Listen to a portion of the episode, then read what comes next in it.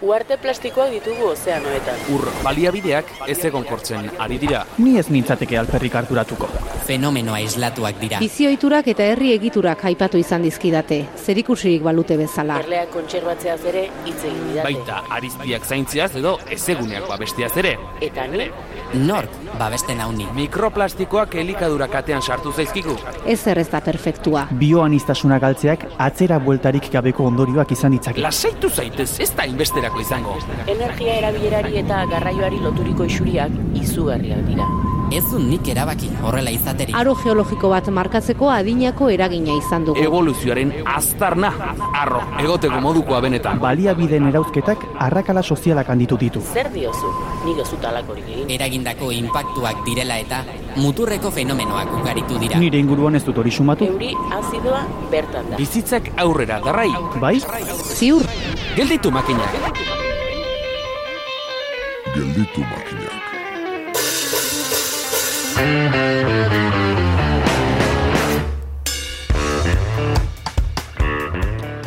Basta ederragoagatik, astoa, asto.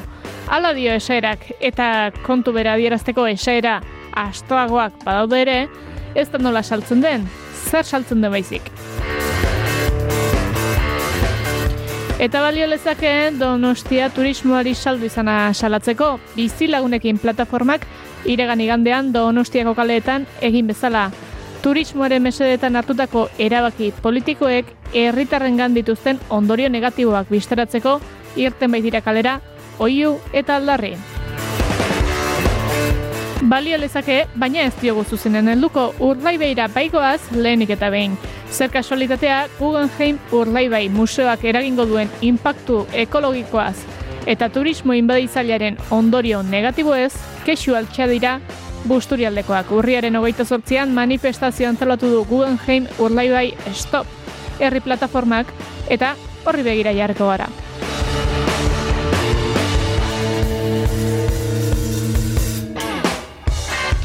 Eta ez da donostiari zeharkako erreferentzia gehiago egiteagatik, baina BDS eraldaketa fabrikako dornakulantz kolaboratzaileak etxe bizitzen gai ekarriko du gurera Mikel Balero iritikat taldeko kidearekin bildu ondoren.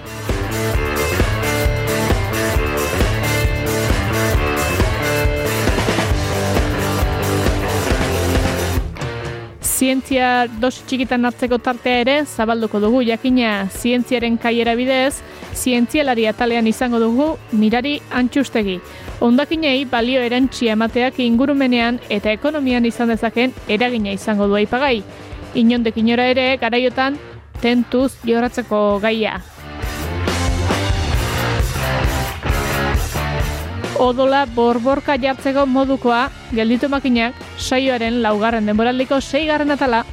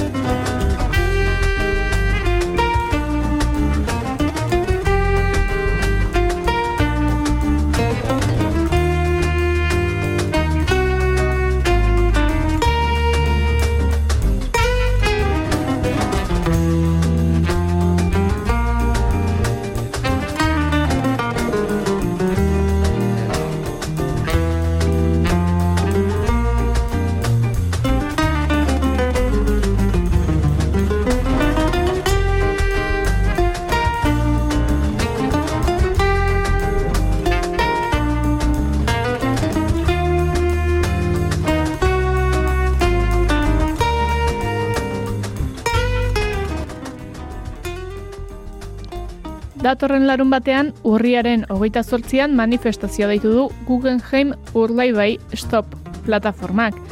Eskualdean eraiki nahi den egituraren eta sustatzen duen ereduaren aurka izango da mobilizazioa. Mobilizazioa egiterainoko bideak izan ditu aintzat hartzeko moduko zenbait puntu eta egingo diogu errepasotxoa. Euskal Herrian, mila bederatzen eta larogeita maikan hasi zen Guggenheim zelakoaren oihartzuna zabaltzen, Orduan ekin baitzioten alako museo bat Euskal Autonomia Arkidegoan egiteko proiektuari. Bilbon kokatu zen Ibaizabal Ibaiaren alboan eta arkitektu arduradun Frank Geri estatu batuarra izan zen. Hala, mila bederatzen eta laro eta mazazpian zabaldu zituen ateak, urriaren emeretzian.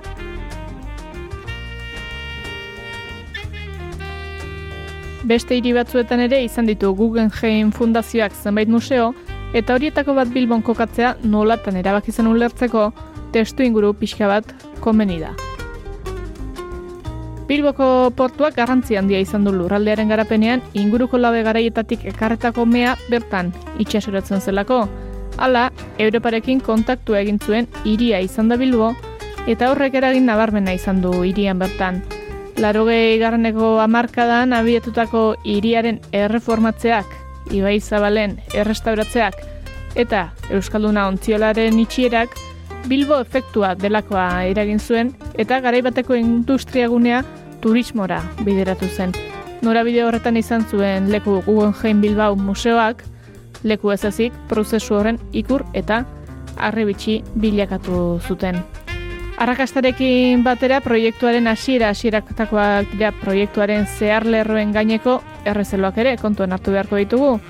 Kulturkezka plataforma eratu zuten berreun euskal artista eta abeslarik baino gehiagok proiektuaren astapenetan. Besteak beste museoak kultura globalizatzailearen alde egiten duen bultzada eta euskal kulturaren ikusazintasuna salatu zituzten. Plataformaren esanetan Guggenheimek ez du balio euskal artea munduratzeko. Amerikako estatu batuen sukurtxal bat besterik ez baita. Bilboko titaniozko eraikinaren bueltako zurrun biloa aspaldi apal xamar sumatzen da, kontrara busturian sortu den proiektuak badu polemika berria.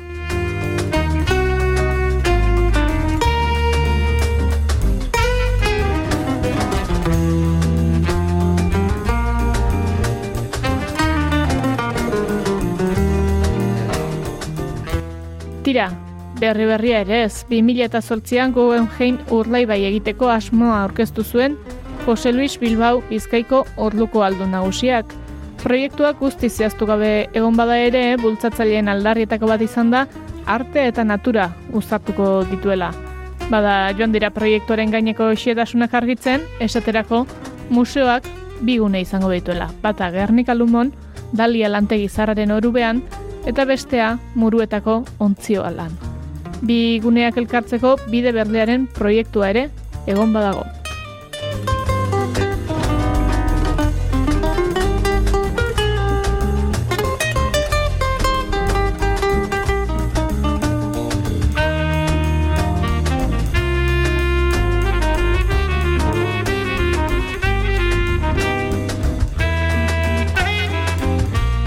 Eta proiektua badu aurrera Espainiako gobernuak berrogei milioi euroko diru laguntza emango du Urlaibaiko estuarioan garapen iraunkorreko jarduera bereziak bultzatzeko ekintzetarako. Ekintza horien artean dago biosfera erreserban Guggenheim museoa egitea. Foru aldundiak jakinarazi duenez akordioaren helburua da Urlaibaiko biosfera erreserba naturalaren inguruko naturbalioak indartzea.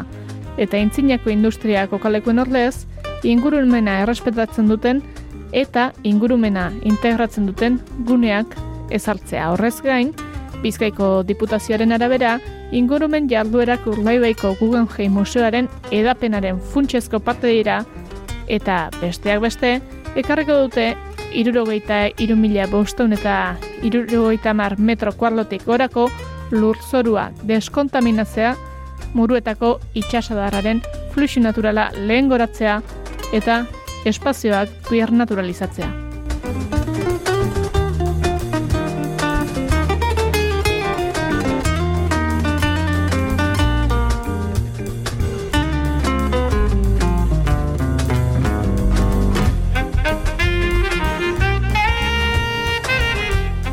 Ari da bidea egiten, ez hori mamitan norlea, hainbat alde herritar eta ekologista mobilizatu izan dira gune naturala txikitzearen eta eskualdea turismora saltzearen aurka. Ekintza horien artean esate baterako zein dezagun urlai bai busturialdeko garapen eusgarrirako auzu elkarteak New Yorkeko Solomon R. Guggenheim Foundationi urlaibaiko egitasmoa atzera botazezan eskatu izan dio, 2000 eta hogeita iruko ekainean bestalde Guggenheim urlaibai stop herri mugimendua aurkeztu zuten proiektuak eduki dezaken impactu kaltegarri ezkezkatuta dauden busturialdeko hainbat taldez osatuta. Gardentasun eta informazio faltaz kexa, eztabaida publiko aldarrikatu zuen eta taldeak proiektuaren inguruko aurkitzen duen informazio guztia publiko egingo duela ziurtatu zuen. Informazio faltaren eta denetariko irregulartasunen aurrean elegiteak aurkeztu dituztela plazaratu izan dute erremugubenduko taldeek, baina atzera bota omen dizkiete denak. Beren eskaerek norantzkoa argia dute ordea, hausnarketa bide kolektibo bati heltzea, ingurunea eta pertsonak lehen lerrora ekarriz.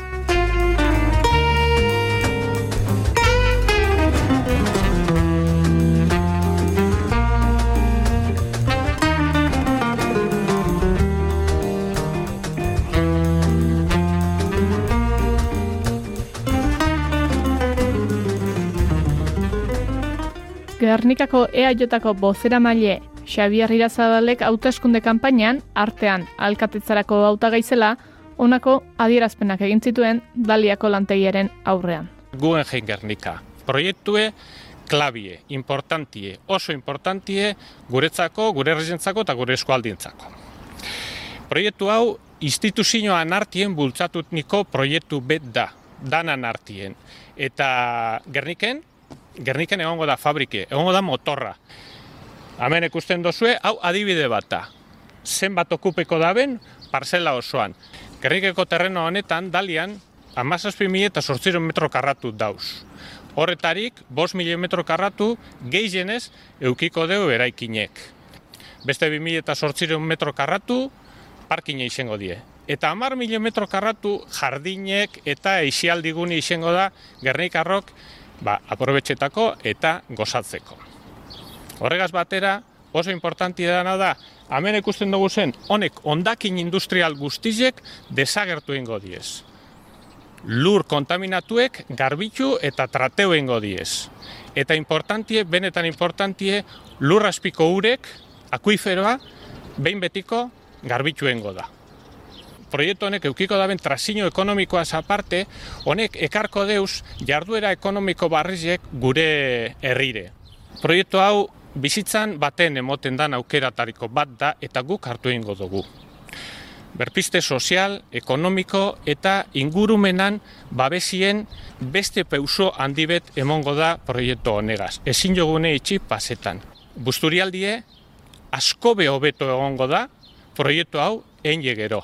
Gu eskara geldituko begire ikusten herrize zelan amatetan dan. Guk aktu egingo dugu.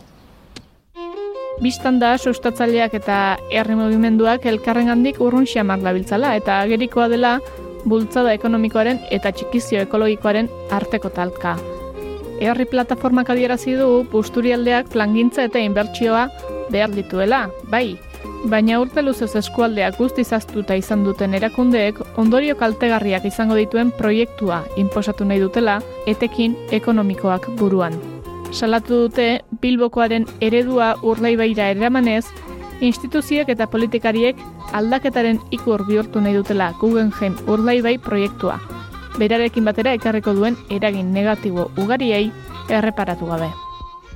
Plataformak hainbat gako azpimarratu ditu eta horietako batzuk ekarri ditugu, Zeterako proiektuak ez ditu betetzen urlaibaiko biosfera erreserba babesten duten lege ugariak are gehiago azaldu dutenez, lege horiek aldatu egin nahi dituzte, naiz eta gerikoa izan krisi ekologiko larri batean murgilduta gaudela.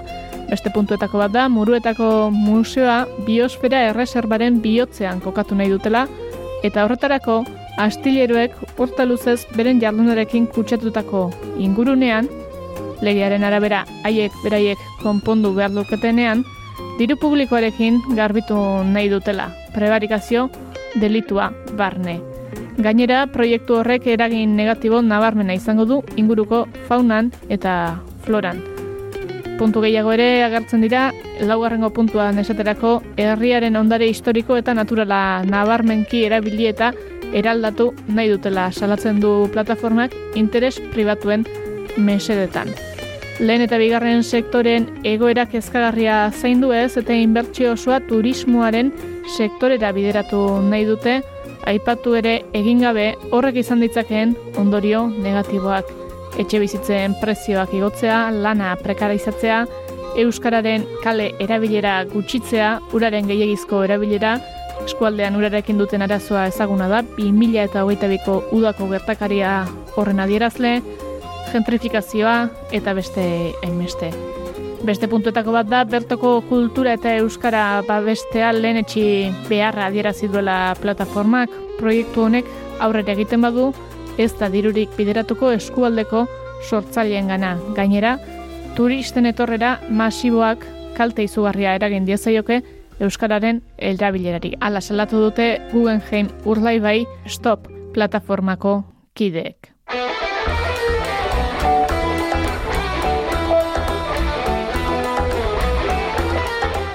Puntu zehatzez gain plataformak adierazi du herritarrek aukera izan behar dutela nolako eskualdean nahi duten eztabaidatu eta hausnartzeko. Eta horretarako ezinbestekoa da prozesu partizipatibo eta ireki bat abiatzea.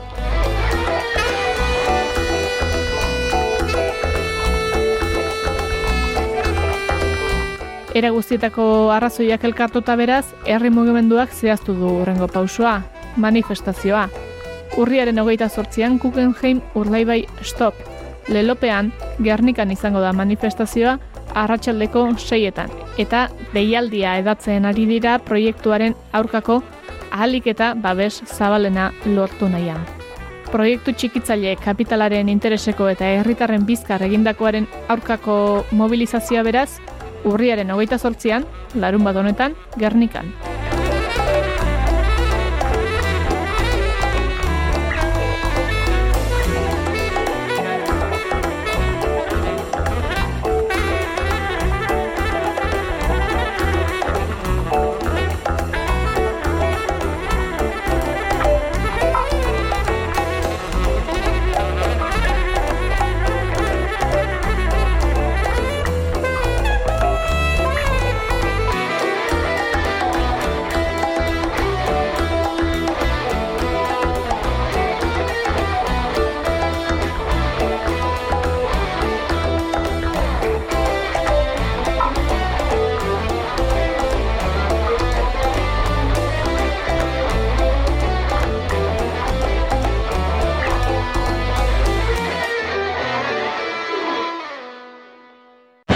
Gelditu makinak, naiz irratian,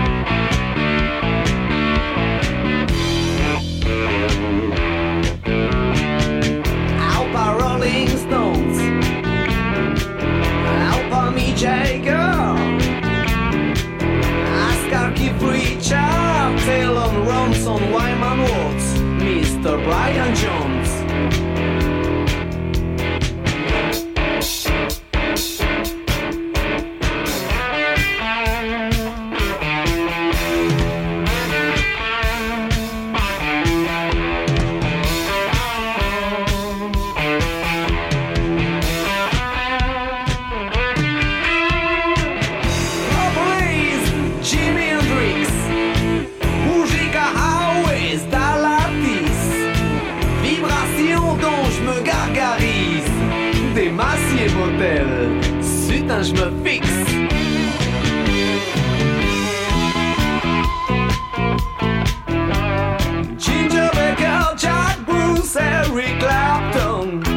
Tenéis una super condition. Si es que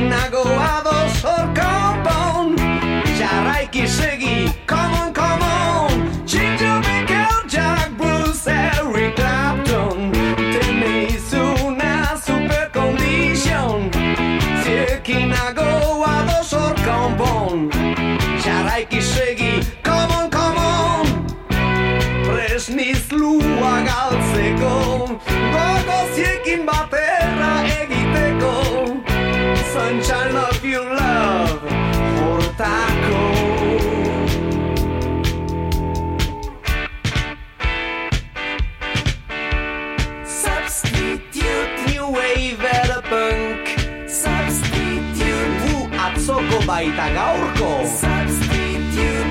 Jota Jota K Substitute. Moon and Twizzle Thousand Daltre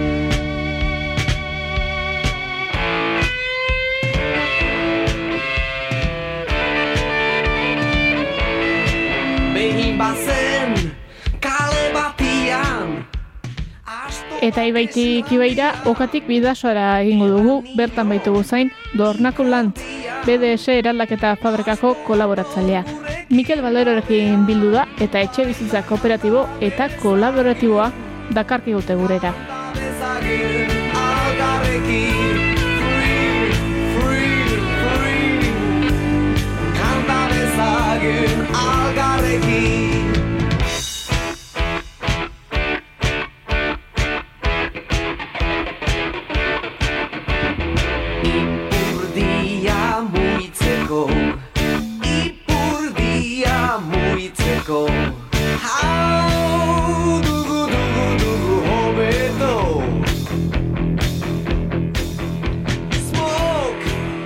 gaurkoan etxe bizitzaren gaiari helduko diogu eta horren aurrean daukagun erronka denek akigu ez dela, ez dela makala, badakigu etxe bizitza bat aurkitzea ia mision imposible dugula gaur egun, e, gazte zar edo heldu izan, eta e, ba, etxe bizitzaren arazoari aurre egiteko ba, aukera ezberdinak ditugu, orain artean gehien erabiltzen duguna ohikoena dena bakarkako bideak dira, ez? Zure etxe bat erosi, pagatu, hipoteka ordaindu, e, ordaintza bukatzea nola lortzen baduzu, eta hori da egiten duguna guztiek ez da. E, binon, hala ere, baditugu beste aukera du bide batzuk, eta hemen laian agertu zen artikulu batean, hala agertzen zuen Mikel Balero kiritikateko kideak, kaixo Mikel? Kaixo, egunon. Ba, e, eta bueno, ba, hori, lehenbiziko galdera hori izango zen, zegatik edo zegatik hartuko genuke bide kooperatibo edo kolaboratiboago bat, edo nolatan edo zegatik egin taldean planteamendu, etxe bizitza planteamendu bat, eta ez bakarrik, beti egin izan dugun bezala. Bueno, nik uste dut, guk eh, artikulu horietan azkenean planteatzen genuna, etzen guk asmatutako zerbait eh, bat ere, baizik eta eh, Euskal Herrian azken urteetan sortzen ari diren proiektuen reflejoa, eta baita ere pixka bat, eh, beste herrialde batzuetan dagoen eredu zabalduago bat e, bati nolabait e, espazio bat em- ematen genion, ez? Eta horiek dira, ba, etxe kooperatiboak eta kasu batzuetan ere bai, etxe bizitza komu- komuni, komunitarioak.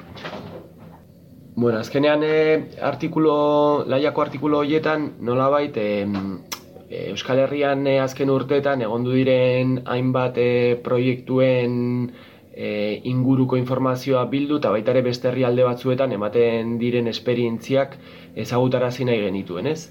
Etxe bizitza kooperatibak e, bereziki. Hauek, eredu hauek, ba, bereziki Uruguai edo Dinamarka bezalako herrialdeetan oso edatuak daude, e, Euskal Herrian azken urteetan esan bezala hainbat proiektu martxan jarri dira horietak horrelakoak sustatzeko eta adibidez e, gertuago, bueno, e, Dinamarka edo Uruguai baino gertuago Katalunian ere azken urteetan olako desente jarri dira martxan eta ja eraikiak eta bertan e, jendea bizi, bizi da. Eta ikusten zen, ba bueno, azkenean e, dagoen arazo etxe bizitzarekiko, etxe bizitzara sarbidearekiko e, arazoaren aurrean e, alternatiba bat izan zitekela e, batetik mm, errazten delako e, etxe bizitza hoiek hoietara sartze sartu alizatea e, ekonomikoki, hau da, bertara e, sartzeko planteamendua pues, asko zarinagoa da hipoteka individual konbentzional bat e, baino, eta bestetik ere bai, espekulazioaren aurra, aurrean, ba, ostopo bat jartzen du, azkenean etxe bizitza horiek e, kooperatibaren ja, e, jabegoan daudelako, eta horren kudeak eta orokorra kooperatibak egiten duenez, ba ez da inerresa individualki saltzea, merkatuaren logika jarraituta, eta, eta espekulazioa nolabait e, e, indartzea edo espekulazioaren joko horretan sartzea. Orduan, egoera horren aurrean, ba, hainbat esan bezala proiektu martxa jarri dira, etxe bizitza kooperatiba e, hori ere bai, azpimarratu behar dira, e, ze guk hemen ezagutu ditu etxe bizitza kooperatiba, gero nolabait banaketa horizontal bat e, egiten zutena eta bakoitza bilakatzen zela etxe bizitzaren jabe. Kasu honetan esaten da, erabilera lagapeneko etxe bizitza kooperatibak direla. Hau da, jabegoa jarraitzen du izaten beti kooperatibarena eta erabiltzaile edo biztanle bakoitzak e, kapital sozial bat jartzeaz gain, hilabeteko kuota bat, alokairu baten parekoa izan zitekena ordaintzen du. Orduan, e, ba eredu hori nola bait, etorri da ere bai Euskal Herri azken urteetan, eta paraleloki ere bai, eta hau gehiago ekimen publikotik planteatu izan dira, etxe bizitza publiko komunitarioak. E, jabegoan, ez zeukatenak zer ikusirik etxe bizitza kooperatiba horiekin, ze publikoak, e, publikoak dira, baina komponente komunitarioa bai e, hartzen zutena kooperatiba horietatik eta sustatzen zutenak e, e, etxe bizitza eredu, eredu horietan. Mm. Eta alde horretan ere bai lotuta e, zaintzen inguruko e, e, egiten ari den lanketarekin eta ba, planteamendua bada nolabait komunitatearen papera indartzea denok behar ditugun zaintza hoien, hoien ardura e, konpartitzeko ba, espazioak sortu eta dinamikak sortu, ez? Orduan daude bi komponente horiek, batetik e, etxe bizitzari sarbidea espekulazioarena pues, juridikoki kooperatibek ematen duten abantaia eta bestetik izaera komunitarioa bai etxe bizitza publiko komunitarioetan edo etxe bizitza kooperatibetan. Bale, bale, bada orduan e, hau hainbat e, gauzire erantzuteko tresna niko erabilgarria ematen dunagatikan. E, aipatzen duzunagatik badak igualde batetik da ba, e, kolektibo horretatik badugu aukera izatea kooperatiba jabea e, edo e, ustea e, jabetza publikoan, ez? Eh, jogira bi diferentzia horiek eta e, artikulan baita pixka konparatzen duzu VPOekin, eh Viviendas de Protección Oficial, eta e, kasu horretan bai ezberdintasuna VPO batekin izango zen e, hor bai ez dagoela kolektibotasunik, ez? E, aurre jabetza publikoa da, moduren batean prezioa regulatzen da, baina ez da e, kolektibitate hori impulsatzen edo bermatzen, ez? Eta beraz, e, hiru eredu horiek ditugu mai gainean, ez? E, esan ditugun lerro guzti erantzuteko, bino ordun Piskatzuek ezagutu duzuten agatik,etan zein ikusten duzute dela igual interesgarriena edo notikan e, joko zenuten pentsatzen dut pixkat mix bat izango zela, bino nola zagitz pixkat e, zure iritzia horren inguruan. Bai, a ber, eske zaila da gainea etxe bizitzaren arazoa oso, oso potoloa da, eta nik uste dut hemen e, e, planteatzen dena ez da inbeste e, bide orokor bat edo, edo soluzio orokor bat, baizik eta soluzio horretan aportazioak iten aldituzten proiektuak. Osa, segurazki elementu eh, eredu diferente horietatik egon daitezke elementu eh, interesgarriak irtenbide soluzio orokor baterako hartu daitezkenak bakoitzatik. Eh, etxe bizitza kooperatibo edo komunitarioetan badago aspektu komunitario hori indartzen dena, osa, e, bertan bizi direnen arteko e, asambladak antolatzen dira, nolabait antolaketa orokorra asamblea horretatik ematen da, sustatzen da elkar bizitza ez izatea soilik e, portalan topatu eta gurtu zure bizilaguna, baizik eta elkarren arteko e, konfiantza bat sortzia, elkarren arteko zaintza dinamikak sortzia, eta bar, eta bar, orduan horrek badu komponente nik uste interesgarri eta mm, eraldatzaile oso handia, baina hor hartu behar dugu ere bai jende guztiak ez dula hori nahi. Osa, jende, mm. zaila da e, bizigaren puntutik pasatzea horrelako e, bizitza komunitario e, oso sakon batetara, ez? Orduan nik adibidez aspektu horretan, ba segurazki eredu desberdinak egon bar dira, batzuk komunitarioagoak izango direnak, beste batzuk komunitarismo hori indartuko dutenak, baina izan gabe e, komuna hippie, komuna hippie bat, eta ordun zentzu horretan segurazki eredu diferenteak sortu bar dira. Jabetzari dagokionez ere bai, lehen esandakoa, etxe bizitza kooperatibek adibidez errazten dute nolabait sarbidea etxe bizitzara, baina ez dute erabat konpontzen, ze azkenian hor badaude kapital e, sozialaren aportazioak inberrekoak eta eta hipoteka batetan aurreratu beharren dirua, baino gutxiago izaten bada ere, badiru bat behar da, eta gizartean badugu jende bat, badiru hori ez daukana, orduan ezin dugu planteatu igual ez dare, e, ezingo genuke planteatu etxe bizitza guztiak kooperatiboak e, izatera. Izatea eta e, adibidez e, alokairu soziala o etxe publikoak alokairuan ba, beharrezkoak jarraitzen dute izaten. Baita ere beste aspektu bate azpimarratzekoa da etxe bizitza kooperatibek eskatzen dute e, sekulako aurrelanketa. Eta horre ba, sortu dira Euskal Herrian eta beste leku batzuetan e, taldeak nolabait proiektua lantzen hasi hasten direnak e, elkarrekin eta bere aspektu guztietan etxera, etxe horietara bizitzera jun baino urteak lehenago. Mm. Jende guztiak, gizarte, oza, pertsona guztiak ez dute gaitasuna hori hori egiteko izan denborangatik, izan gaitasun soziopolitikoen gatik nola baita esateagatik, orduan hori horrek ere ez dio erantzuten e, gizarte guztiari, ez? Orduan, zure galderan esaten zenun, ba, segurazki mix bat dago, nik uste dut, ezinbestekoa dela e, ekimen publiko indartsu bat etxe bizitzaren e, gaian, e, segurazki e, inkluso igual imaginatzen alduguna baino indartsuagoa e, eta etxe bizitza ulertzen badugu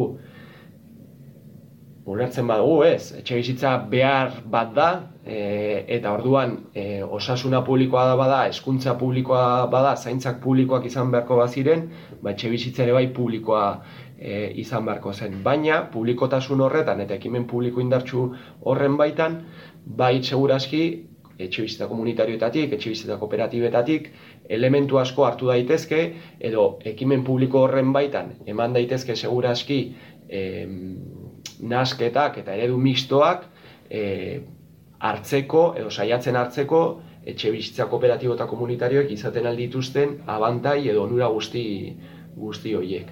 Mhm. Orda, bueno, ez dizu segurazki erantzun ez errarkirik, baina... Hora, ikusten zen unan hori gogotzen zitzaiten Euskal Herrian duguna adibidea da oso bat dela AEK edo ikastole mugimendua, ez? Osea, azken batean beraiek izan ziren aintzindari gero ja publikotik zerbitzu bat e, sortzeko. Minon, beraien presio edo adibide edo eredu hori gabe agian elitzateke gertatu izanen edo ez azkar edo ez modu honetan, ez? E, bizkaita bantzeko zerbait izaten altzen, ez? Ola, etxe bizitza kolaboratibo edo kooperatiboak ditugunak adibide, ba hori ez, inkluso zuek egon duzadarete proiektu batean errenterin, edo e, usurbilko beste eredu bat ere badugu, Osa, adibide eredu hauek izaten adira, e, bizkat, e, punta de lanza, ez? Lanza de punta hori, e, austeko bizkate hori, eta eta ikusteko ere posible dela, eta bizkat esaten duzun mamu hori, ez? E, nik ez dute komuna hipi batean bizi nahi, e, ez, nik ez inor uste dute, ez dakite jomo da bat emaz, bai, nik ez ez dut nahi egongo dire, bai. E, bino, noski, e, punta, oza, hori, egual lehen, lehen pausoiek ematea garrantzitsua dela, ez? Bai, bai, azkenean hori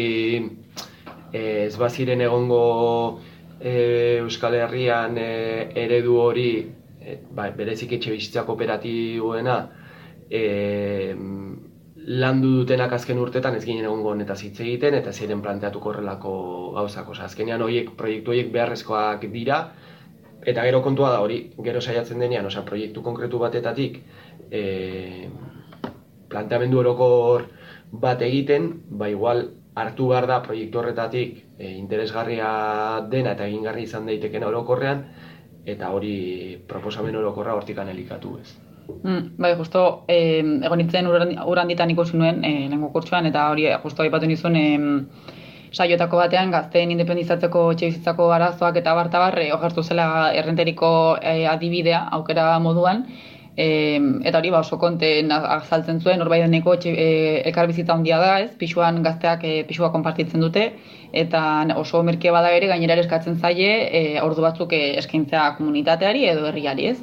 E, Eta kasu hortan, karo, noski gazte hauek gehienak igual boikotekin gehienez pentsatzen dut, baina orokorran dira ba, haien kabuz bakarrik bizi diren pertsonak, eta kasu horretan ba, bizitzako fase horretarako egoki izaten altzela hori ez. Bion gero beste kasu batzutan ere, ba, oso azken batean etxe bizitza beharrak eta neurriak ere aldatzen direla gure bizitza handitzen duan, aldatzen duan einean, ez? Osa, hemen esaten asko badagoela nik etxe bat bizi guztirako erosten dut eta punto, Baina gero gertatzen zaigu ere kontrako emakume eta gizonak zarrik, zarrak bakarrik bizi direnak sobratzen zaiela etxearen hiru laurdenak. E, orduan ere hor eskatzen digu igual ere etxe bizitzaren beste ikuspegi bat eta bizitzarekin lotuagoa doan zerbait, ez? Osea, e, aldakorragoa den zerbait eta ez da estatikoa eta e, ikuspegi horrek ere pixkat ukitzen du jabetza pribatuaren ikuspegi hori, ez? Orduan ere gualen batean e, eta gai bat pixkat inkomodoa, ez? E, askorentzat. Segurazki arazoa jabetza pribatua da etxe bizitzaren kontuarekin. E, ze horrek zailtzen, bueno, pues horrek sortzen du espekulazioa, horrek sortzen du e, sarbide, sarbidea izatea zaila edo ezinezkoa kasu batzuetan, horrek sortzen ditu pixu etxe bizitza hutsak, e, turistifikazioa inkluso aipatu alko genuke zentzu horretan hor, ere, eta gaina nolabait oso onartua daukagu etxe bizitzaren kasuan, eskuntzan edo osasunan, bueno, ematea idea privatizazio prozesuak ez, baina oso erne gaude horren aurrean, baina etxe bizitzarekin bai ulertzen da, azkenean dela zerbait pribatua, norberaren, e, norberak em, kudeatu eta eta lortu behar duen e, zerbait, eta gainean nolabait eramaten e, pues, gizarteak eta eta egoerek eramaten gaituzte ba, zu eta biok e, izatea, osea, eredu horretara jotzia, ez? Baina hor dago segurazki arazoaren koska, karo, nola aurre, aurre egin horreri, ba ez da inerrexa. Hmm. Baina da zerbait, osea, ulertzen badugu, zerbait unibertsala, eskuide unibertsal, behar unibertsal bat dela, ba, publikoaren e, indarra askoz handiagoa izan beharko zen, e, gai horretan, eta gaina beste leku batzuetan bada. Mm. Bai, osea, eskuartze publikoa e, berez azkeneko burtsen mobiliarioaren e, burbuia horren ilertzean eta bar, e, arazoa nagusi estatu batuetan izan zen, berriro ere estatuaren erregulazio falta maila hori izugarria, ja neko sospetxosoa. E, esateko ja, bueno, beraiek ere hortikan ze altekin ari zirela pentsatzeko modukoa, eta eta esaten ari gara bale noski igual ez gara zetan bueltatu ez da izango estatu komunista bat inon bai bentzat eh orain gaudiltzen irregulazio mailak direla eh pues bueno ondorio latza eta larri evidenteak ekartzen ari diren eh esku hartzeak ez? Orduan eh etxeizta kolaboratibo ez egiten ari garenean esku hartze publiko mai eskatzen denean agian erakunde publiko asko hori bertiko ematen adien zerbait da ze oso antipodetan dago gaur egungo politikekin e, baina bueno, ba, horre berriro tarteko aukera bezala edo bide bezala berriro etxe bizitza kooperatiboak eduki ditzakegu, ez? Berriro ba hori, ez? Zubilenak egiten eta bueno, ba aukera horiek hor ditugula eta bakarkako bide horretan, eskat ondorio bezala, e, bakarkako bide horretan e, da egiten dugu norentzen gaur egun nagusi oso nagusia den bidea, baina agian nahikoa ez dena, ez? Nik ere esan duzu duela gutxi etxea erosta lortu dut, e, gaztea naiz eta lortu dut, eta e, konten nago. E, dudalako alokairua ordainduko modu indefinido batean e, jekin gabe zenbat ordaindu barko dudan, ez? Askotan alokairuak ere dira garestiak. E, baina gero, karo, nik ez dosan nahi, nik hori sentitzen dut pakea bezala, e, baina jazta, ja lortu dut, baina mm, adiberean e, esaten duana, bineon igual zartzaroan ja honek ez di balioko, txerrek da irugarren solairu bat eta ez dauka igo gaiurik. Eta da nahiko handia, E, orduan, e, karo, ba, e, erronkako jarraituko dula, ez? Segurenik imaginatzen dute denen bizitzetan individualki ere. Eta hori ere ondoriak. e, ja sta, ba, de, dakit ja bukatzeko puntuan gaude. Zabe gehiago esan nahi duzu. Ez, ba, azkenian e, gure asmo artikulu horrekin eta bueno, pues elkarrizketa planteatu zen igunean, eh, honen inguruko hausnarketa bultzatzen jarraitzea dela, nik uste dut elkarrizketa egin dugun elkarrizketa honetan edo e, nabaritzen dela soluzio e, oso definitu bat ez daukagula hori indikan, baina az, azkenean hausnarketa horrek eta eredu desberdinak esploratzeak e, pues, baliogarri izan daitekela eta ea osnarketa eta esplorazio kolektibo horretan ere, ba, goazen pixkat bideak argitzen dagoen arazo potolo neri irten bideak e, ematen saiatzeko. Hore, eslogana laiana, oza, spoiler egiten jende guztiari da, bakarrik ezin da, elkarrekin bai. Hori da gure ondorioa gozta guztitako. Oso, oso ongi eta oso ados horrek. Bale, baskerrik asko, Mikel. Zuri. Eli pagolarekin geldituko dituzu makinak naiz irratian. Ba guk ere, tornako lantz eta Mikel Baleroren bidetik laiaren leloa gure egingo dugu, eh? Bakarrik ezin da, baina elkarrekin, bai, eskerrik asko dornako, etxe bizitzaren gaia gure erakartzeagatik eta emango diogu, buelta terlei.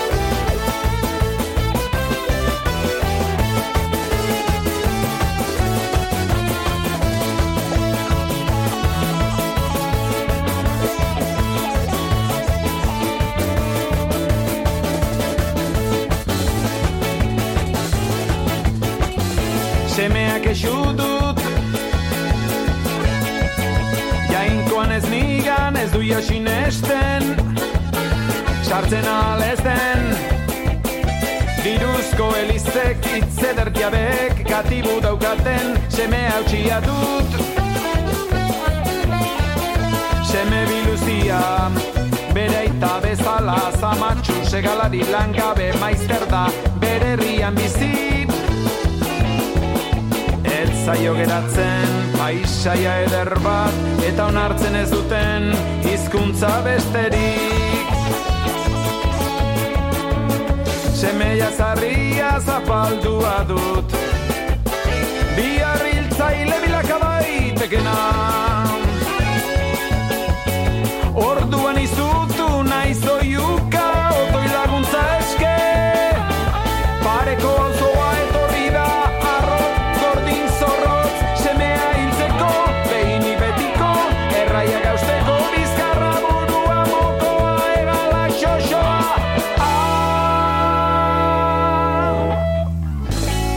Semea preso dut Eta nabaritzen dut Nire erraietan.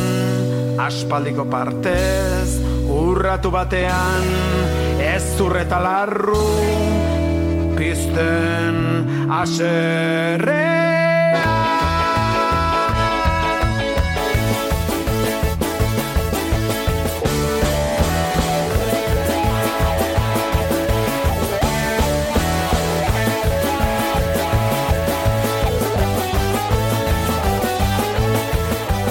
Eta gaurko saioa amaitzeko falta zaigun natalera egingo dugu salto zientzia pilulara.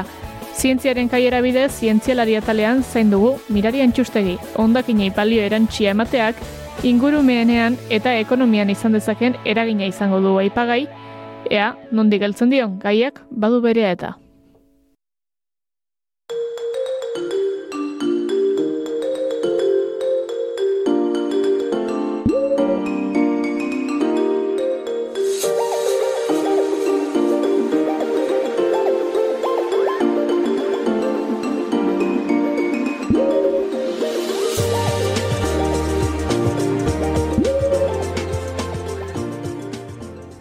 Ondakin lignozelulosikoak e, landare e, biomasaren atal bat dira eta e, atale horren barruan sartuko lirateke ba, aleak eta fruituak edo beste erabilera batzu dituzten e, ba, landare biomasak ez direnak. Ba, egurra edo fruituak e, e, erabili egiten ditugu, baina adibidez, ba, e, zerealen surtoinak, edo e, kimatzerakoan sortzen diren adarrak, edo frutoidorren oskolak, e, materiale lignozelulosikoak dira, baina ondakin bezala e, kontsideratzen dira eta tratatu beharra dago.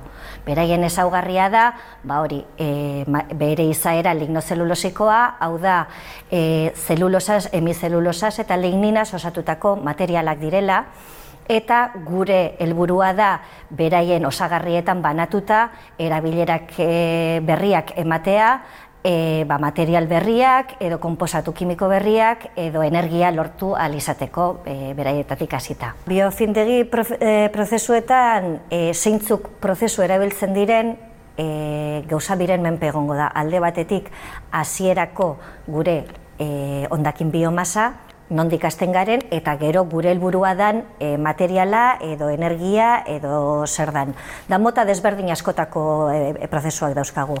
Prozesu batzuk fisikoak dira, ba, izan daitekena ba, atzortzioa, edo kristalizazioa, edo distilazioa, edo izan daiteke prozesu kimiko bat, e, ba, erosketa bat, edo epoxidazio bat, edo delignifikazio bat deitzen dana.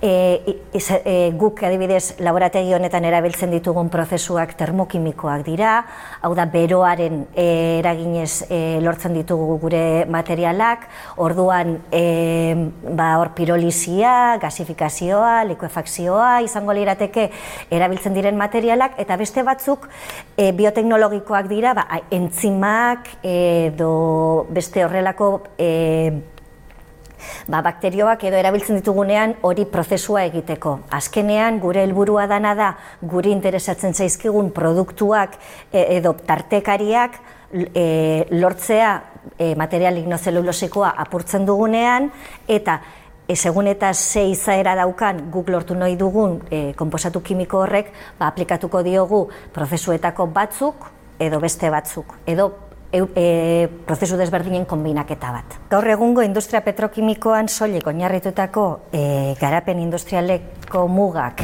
eta bere hornidura eta presioen gora berak azkenean energia kontsumo onda, eta kontsumo ondasunak lortzeko beste iturri batzun beharra sortu duelako eta horrek eskatzen duena da eredu berri bat egitea eta e, baliabide naturalak erabiltzen hastea e, findegien, biofindegien e, erabilerarekin e, hasita, ba, lortu eta nahi ditugun e, ba, kontsumo ondasunak, materialak eta energia lortu alizateko. Azkenean gure erronka nagusia da energia eta materialak modu iraunkor batean e, lortzea gainera e, ondakinak erabiliz, toki guztietan erabi, e, aurkitu ditzakegunak eta gainera ez baldin baditugu honetarako erabiltzen kudeatu beharreko arazo bat izan daitezkenak.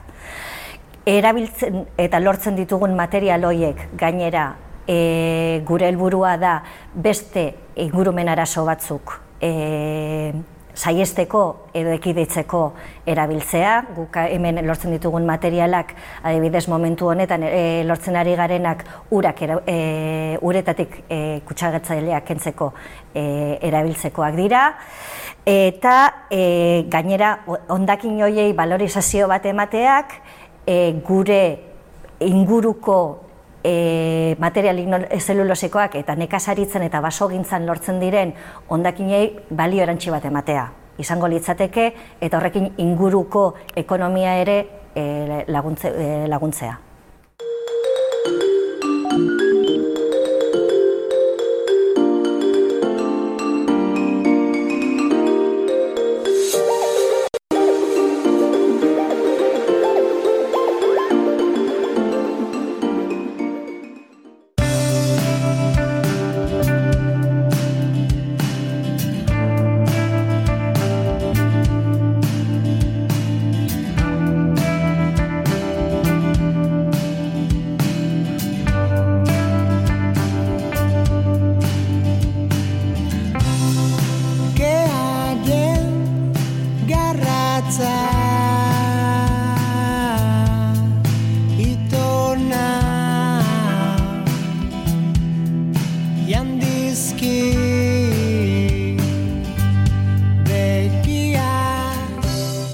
Tira entzule, makina bat aldiz agurtu gara eta honetara ezkero badakizu datorren asterarte agurtzako unea heldu zeugula.